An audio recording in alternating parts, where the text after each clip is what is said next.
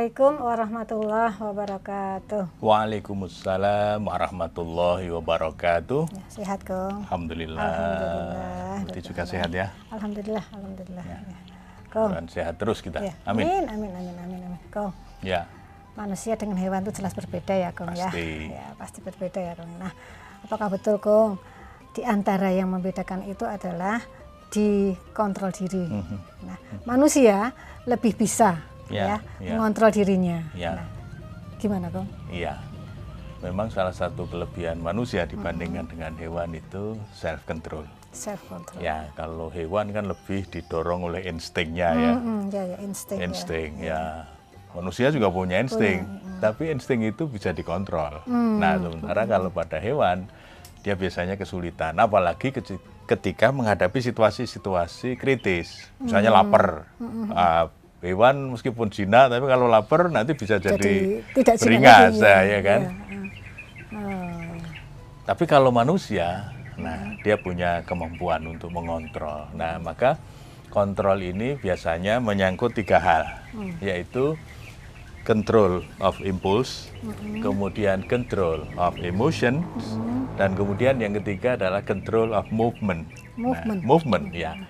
Jadi manusia itu punya kapasitas untuk mengendalikan impuls, dorongan-dorongan primitifnya itu. Hmm. Jadi sebetulnya lapar, tapi karena ada perintah puasa, ya memang dia ingin puasa, maka laparnya itu ditahan. Nanti baru setelah berbuka dia bisa makan.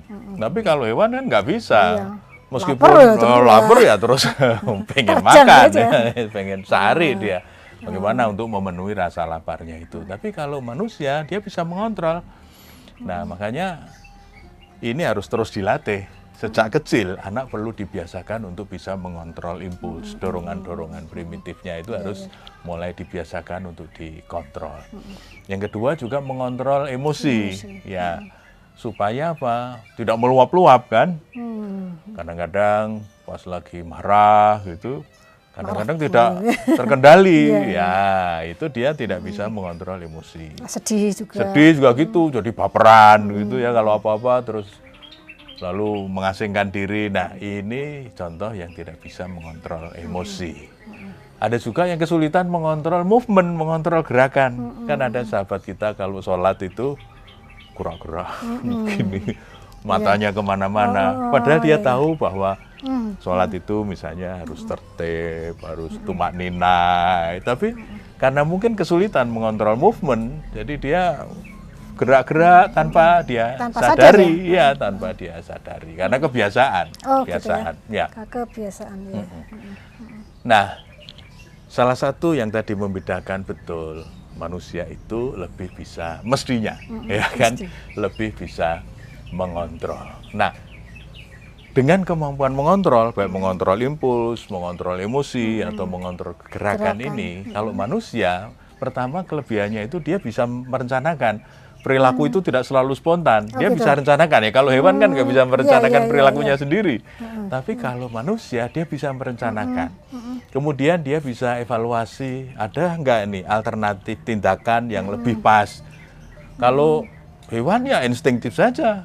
Mau misalnya mencakar lawan atau mencakar siapa pun ya dia lah akan lakukan tanpa pertimbangan. Tapi kalau manusia dia punya pertimbangan. Dia mau marah, waduh ini atasan tidak iya, boleh. Kalau iya, itu iya. saya lampiaskan, saya bisa dipecat. Nah dia bisa kalau hewan itu bisa jadi bikin alternatif. mencakar kepada yang siapa pawangnya ya. termasuk kepada pawangnya Iya, iya, termasuk kepada makan. siapa yang memberi makan Oh, iya, ya itu namanya uh, apa kontrol, Kontrol, kemampuan untuk kontrol. Dia bisa evaluasi alternatif mana tindakan yang paling benar ketika dia harus merespon situasi. Tidak mudah baperan karena dia juga bisa ngontrol. Oh, nggak apa-apa nggak usah dimasukkan ke dalam hati. Ya kalau hewan pasti masuk terus langsung kan? tapi kalau orang mana yang dimasukkan mana yang enggak itu bisa dikontrol. Iya, iya. Lu kalau semuanya dimasukkan ke dalam hati, Iya, wah sakit susah. hati kita. ya.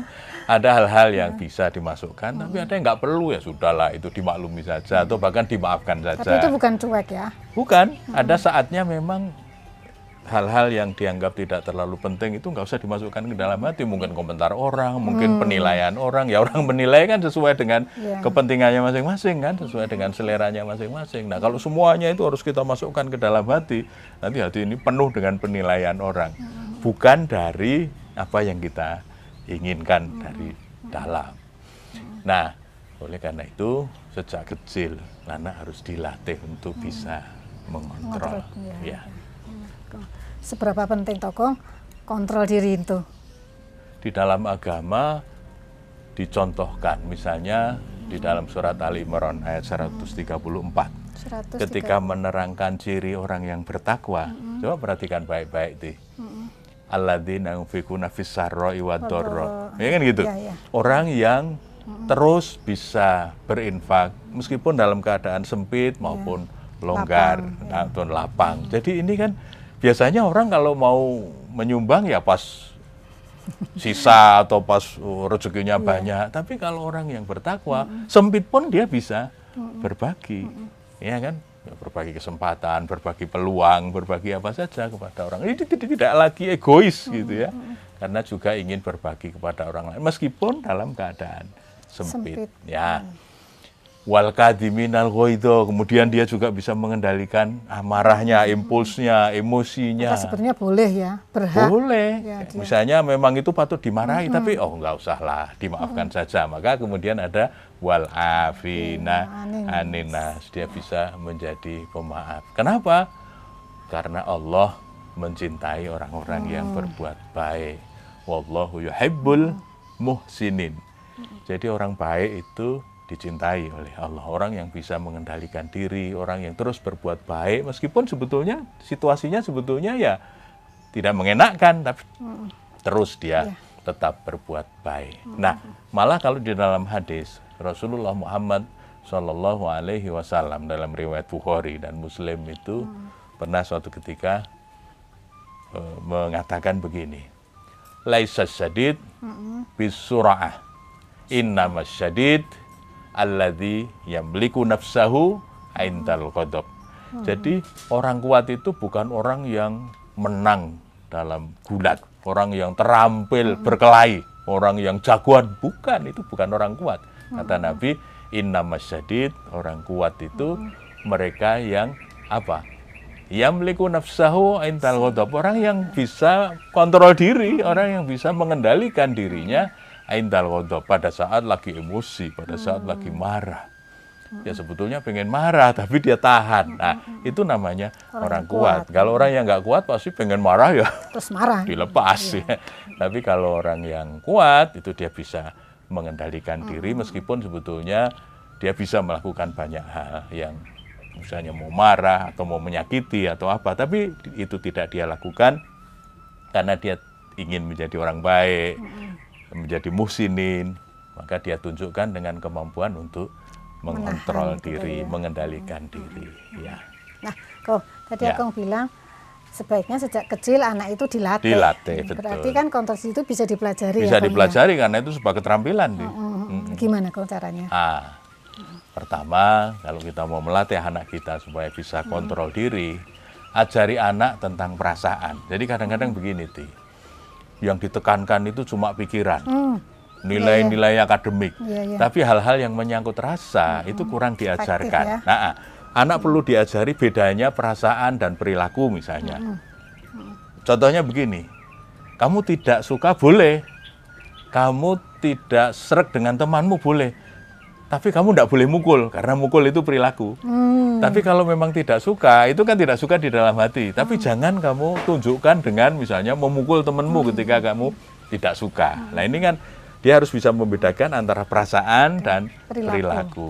Nah, nah, supaya apa anak tahu apa yang harus dilakukan di rumah, mana yang baik, mana yang tidak baik itu mana dia yang boleh, mana yang mana yang boleh, mana yang tidak boleh itu harus jelas. Nanti ajari juga apa bedanya misalnya dengan kalau di perpustakaan. Misalnya kalau di halaman rumah boleh dong teriak, Hmm, main-main. Tapi kalau di perpustakaan tidak boleh. Ya, misalnya gitu. Jadi anak juga diajari membedakan posisinya di mana di rumah atau di perpustakaan. Yang ketiga, kita harus jadi model dari perilaku baik. kontrol diri itu seperti apa. Itu yang kita yang tua harus jadi model. Jangan sampai kita perintah ke anak-anak supaya ngontrol, tapi kita sendiri tidak bisa tidak bisa ngontrol. ngontrol, ya. Soalnya kalau ada apa-apa langsung marah, kalau ada apa-apa omongnya keras itu, kemudian kita tidak menjadi contoh yang baik bagi anak-anak. Nah, lalu ajari anak life skill karena bagaimanapun juga nanti kontrol diri ini berkaitan dengan keterampilan hidup. Maka life skill seperti kemampuan untuk mendengarkan, kemampuan untuk menyelesaikan masalah, kemampuan mengelola amarah, kemampuan mengambil keputusan, eh, kemampuan berpikir kritis dan lain-lain itu perlu diajarkan supaya apa? Membekali anak. Supaya nanti kalau mau mengontrol itu menjadi lebih mudah. Lalu kita praktekkan apa yang disebut dengan delayed gratification. Jadi ada reward, ada hadiah yang didelay, yang ditunda, supaya anak juga belajar bahwa semua itu tidak serta merta Iya. gitu ya. Apa ada saatnya, ya. tidak semua yang diinginkan terus kita Ada, penuhi. Kita kasih hadiah tapi nanti ya, misalnya gitu. Kalau ayah sudah gajian, misalnya gitu. Jadi supaya ada ada waktu untuk delay sebentar supaya anak membiasakan diri untuk tidak selalu apa yang dimaui itu Kalau- hari itu Iya. juga Kalau orang Jawa sak dek sak nyet gitu. ah ya Iya. sadek saknyet ya Iya. kalau dia minta sesuatu harus waktu itu juga. Ah yang terakhir kita dorong untuk banyak melakukan aktivitas fisik karena apa? Ketika anak lebih banyak melakukan aktivitas fisik itu biasanya menjadi lebih mudah untuk mengontrol diri. Nah, pemirsa, bekal kemampuan kontrol diri lebih berharga dari harta benda. Hmm. Awalnya tentu tidak mudah, betul. tetapi pada akhirnya penuh berkah. Assalamualaikum warahmatullahi wabarakatuh.